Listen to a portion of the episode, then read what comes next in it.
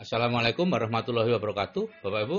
Saya malam ini akan menyampaikan tentang kecerdasan finansial dasar. Ya. Ini revisi dari tanggal 29 Juni 2019. Ya. Masalah kita saat ini adalah sistem pendidikan kita yang hanya melatih kita untuk cara mencari nafkah. Menjadi dokter, menjadi jaksa, hakim, ekonom, dan lain-lain. Belum ada pendidikan formal atau informal yang melatih kita untuk mengatur penggunaan uang yang kita peroleh. Dan fakta membuktikan, Bapak Ibu, bahwa itu lebih penting dari yang kedua. Eh, yang kedua itu lebih penting dari yang pertama. Karena banyak sekali orang yang eh, tidak terlatih mencari nafkah, tapi dia terlatih untuk mengatur uang, akhirnya mereka ialah yang lebih kaya. Jadi rata-rata kita kecerdasan finansialnya rendah. Ini faktanya Bapak Ibu ya. Setelah usia 65 tahun di Amerika Serikat, ini Amerika Serikat Bapak Ibu, ini negara yang dikenal sebagai negara kaya. Kemudian apa namanya usia 65 tahun itu dianggap sebagai usia atau masa usia pensiun gitu ya. Jadi harusnya mereka yang sudah bekerja keras lama itu ya sudah kaya atau mampu. Faktanya seperti ini Bapak Ibu. Hanya satu persen yang kaya, hanya empat persen yang makmur atau mandiri secara keuangan. Gila enggak Bapak Ibu? Ya. Selama sekian puluh tahun hanya 5% yang dia bisa mandiri. Ya. Sedangkan yang 5% itu masih harus bekerja. Yang 36% alhamdulillah dia meninggal. Yang 54% tergantung pihak lain. Jadi setelah bekerja keras selama puluhan tahun, pada usia 65 tahun ke atas tergantung pihak lain. Ini Amerika Bapak Ibu. Indonesia nggak tahu. Nah di Indonesia ini faktanya. Penyelidikan majalah SWA ya tahun 80-an ya 80% profesional berpenghasilan besar akan jatuh miskin di usia tuanya. Ya. Kemudian ini di Amerika juga 90% penerima lotre besar akan jatuh miskin 3 tahun setelah terima lotre. Ya. Jadi ini semua menunjukkan bahwa kecerdasan finansial kita rendah sehingga cara mengatur keuangan kita pun rendah. Nah, cerdas keuangan itu apa sih? Yaitu mengerti lima peraturan dasar keuangan. Yang pertama, membedakan aset dan beban, mengerti arus uang atau cash flow, mengetahui cara menggunakan uang, memahami penghasilan aktif dan pasif, dan mengetahui definisi kaya dan miskin. Ya, itu, adalah cerdas secara keuangan. Saya akan bicarakan dengan cepat satu persatu karena nanti eh, beberapa item akan ada pembicaraan sendiri ya, ada video yang tersendiri yang lebih detail. Yang pertama peraturannya membedakan aset dan beban, gitu ya. Nah, aset itu apa? Aset adalah segala sesuatu yang bisa memberikan penghasilan kepada kita rutin, ya, penghasilan setiap bulan, seperti saham, real estate, bisnis ternak, lahan produktif. Jadi ini bukan karena peningkatan nilai. Misalnya Anda punya tanah nganggur, ya tanah nganggurnya setelah sekian tahun nilainya naik itu bukan aset. Kan tanah anggur itu tiap bulan tidak menerima tidak menerima hasil. Ya kecuali itu anda sewakan ya. Begitu juga uang dolar misalnya anda simpan atau apa sekarang terkenal. Oh itu bitcoin anda simpan itu tidak bukan aset bapak ibu. Ya kecuali dia menghasilkan setiap bulannya. Itu baru disebut aset.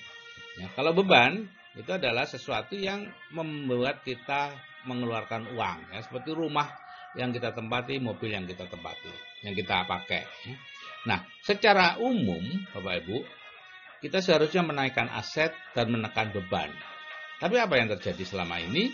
Karena ketidaktahuan kita, maka kita meniadakan aset dan menumpuk beban. Ya, seperti rumah diperbesar, mobil diperbanyak. Kenapa? Karena kita salah menganggap itu aset. Nah, peraturan yang kedua adalah tiga macam arus kas ya atau arus uang yaitu arus uangnya orang miskin, arus uangnya kelas menengah dan arus uangnya orang kaya.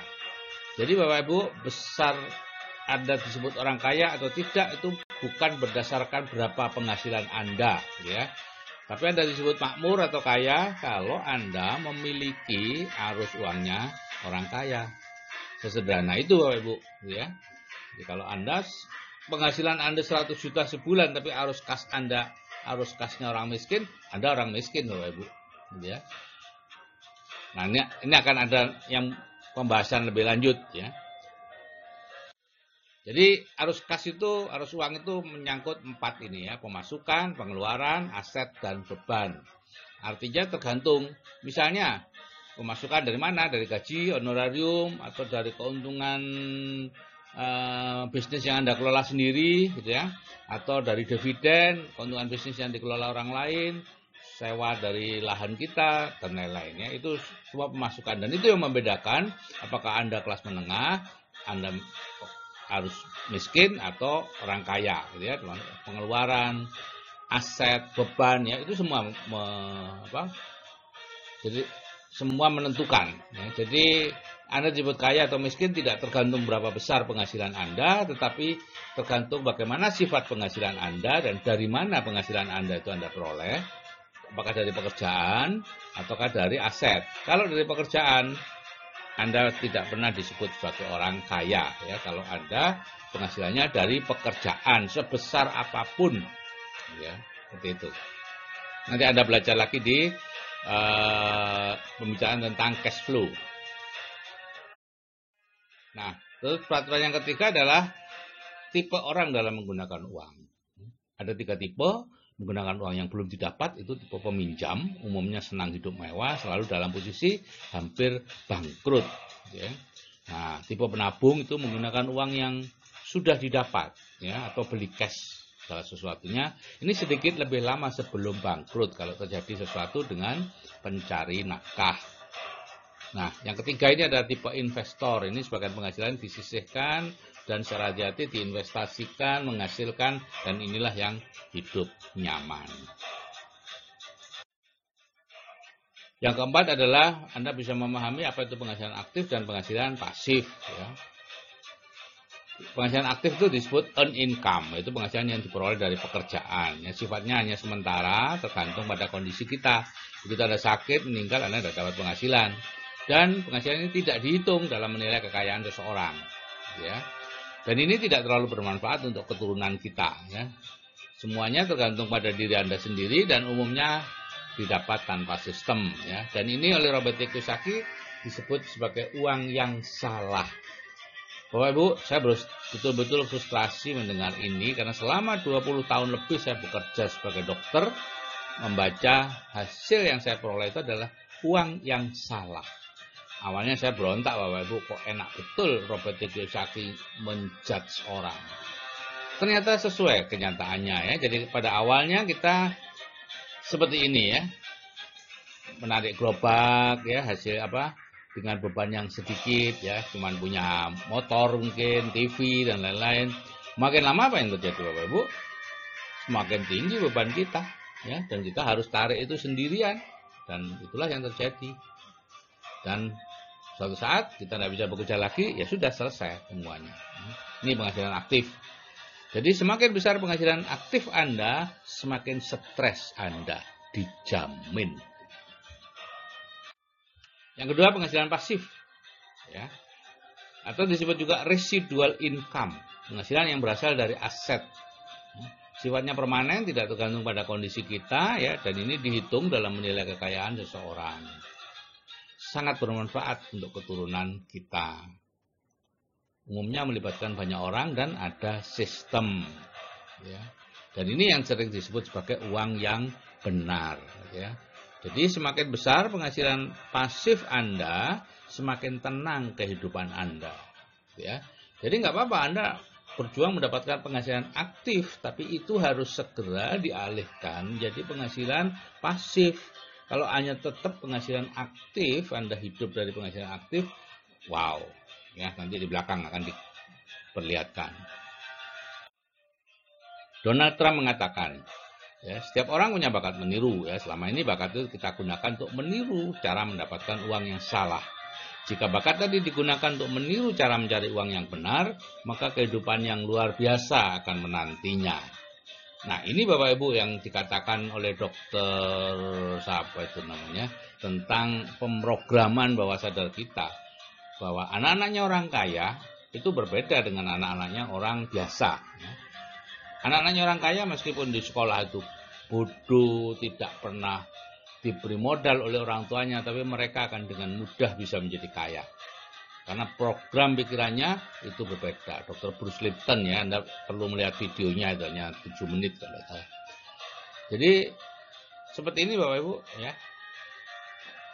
Karena itu kami di CFS ini melakukan reprogramming ya. Anda kalau melihat video uh, meningkatkan plafon rezeki ya, karena ini tadi ya kita sudah meniru cara mendapatkan uang yang salah sejak kita kecil dan itu yang terjadi sampai sekarang. Kalau udah di reprogramming ya salah terus.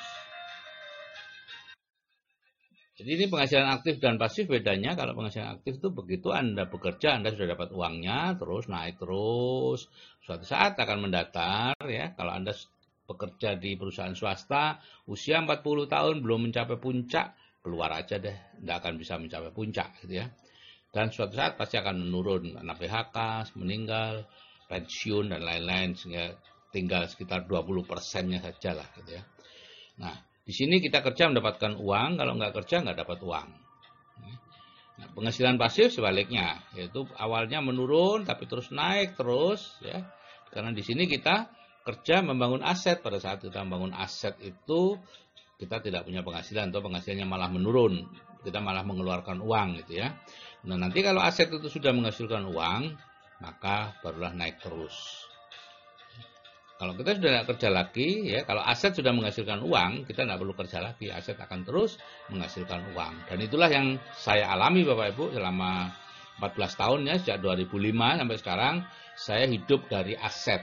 Saya tidak lagi bekerja mencari uang, tidak praktek, tidak ini itu, pokoknya tidak bekerja cari uang lah. Gitu ya. Saya tetap bekerja, tapi kerja saya membangun aset sehingga aset saya saya harap bertambah besar, bertambah besar ya. Dengan penghasilan saya yang lalu itu tergantung pada aset yang dulu saya bangun. Jadi di sini bedanya saya bekerja untuk meningkatkan penghasilan saya. Kalau waktu saya jadi dokter dulu saya bekerja untuk mempertahankan penghasilan saya. Itu bedanya. Nah, ini peraturan yang terakhir bedakan antara kaya dan miskin ya kita disebut kaya atau makmur jika penghasilan pasif kita lebih besar dari biaya hidup kita ya anda perlu mengukur yang namanya indeks kemakmuran, yaitu penghasilan pasif dibagi biaya hidup. Ya, kalau indeks kemakmuran Anda lebih dari satu, Anda disebut makmur. Kalau indeks kemakmuran Anda lebih besar, jauh lebih besar dari satu, Anda disebut kaya. Ya. Jadi Anda ukurlah indeks kemakmuran Anda 15 tahun yang lalu, 10 tahun yang lalu, 5 tahun dan sekarang. Turun apa naik? Kalau naik, oke, okay, Anda sudah aman berarti, gitu ya masa depan yang cerah menunggu Anda. Tapi kalau Anda turun, meskipun Anda semakin lama hidup Anda merasa semakin mewah, penghasilan Anda semakin mewah, sebetulnya ancaman pada keluarga Anda semakin besar. Nah, miskin itu apa? Tidak ada sebetulnya definisi miskin secara sosial, agama, nggak ada. Semua di setengah di apa ya? Ya, supaya jadi cukup gitulah ya. Jadi cukup itu sebetulnya adalah kekurangan uang yang dicukup-cukupkan. Gitu ya. Karena gini, miskin itu orang miskin adalah mereka yang bekerja keras hanya untuk membayar gaya hidupnya yang mahal dan selalu ingin lebih dan lebih ya. Wah itu saya banget dulu Bapak ya. Jadi mula-mula dia apa hidupnya sederhana, makin lama makin mewah, tapi kerjanya semakin berat ya, lama-lama bangkrut kalau memang kehilangan pekerjaan atau nafkahnya. Ya. Nah ini. Jadi Bapak Ibu, kita harus hati-hati yang hidup mewah belum tentu kaya. Yang hidup sederhana belum tentu miskin. Tetapi kalau Anda hidup mewah dengan penghasilan aktif, bisa dipastikan Anda miskin. Ya, Anda harus segera merubah penghasilan aktif Anda menjadi penghasilan pasif. Tidak mudah, tapi bisa. Penerapan kecerdasan finansial seperti ini nanti akan dibahas lagi secara khusus dalam sebuah video ya.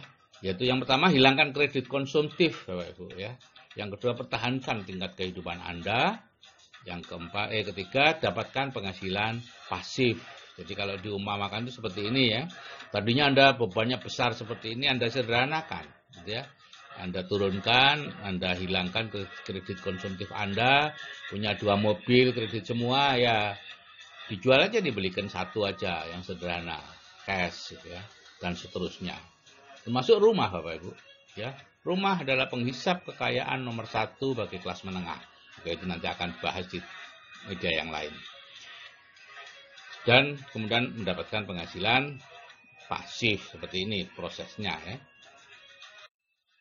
Bapak Ibu, kalau saya yang sudah berumur aja bisa mengalihkan penghasilan aktif saya menjadi penghasilan pasif, saya pastikan Anda seharusnya juga bisa. Oke, salam saya dari saya, Dr. Sigit Setiawadi. Salam sukses untuk Anda.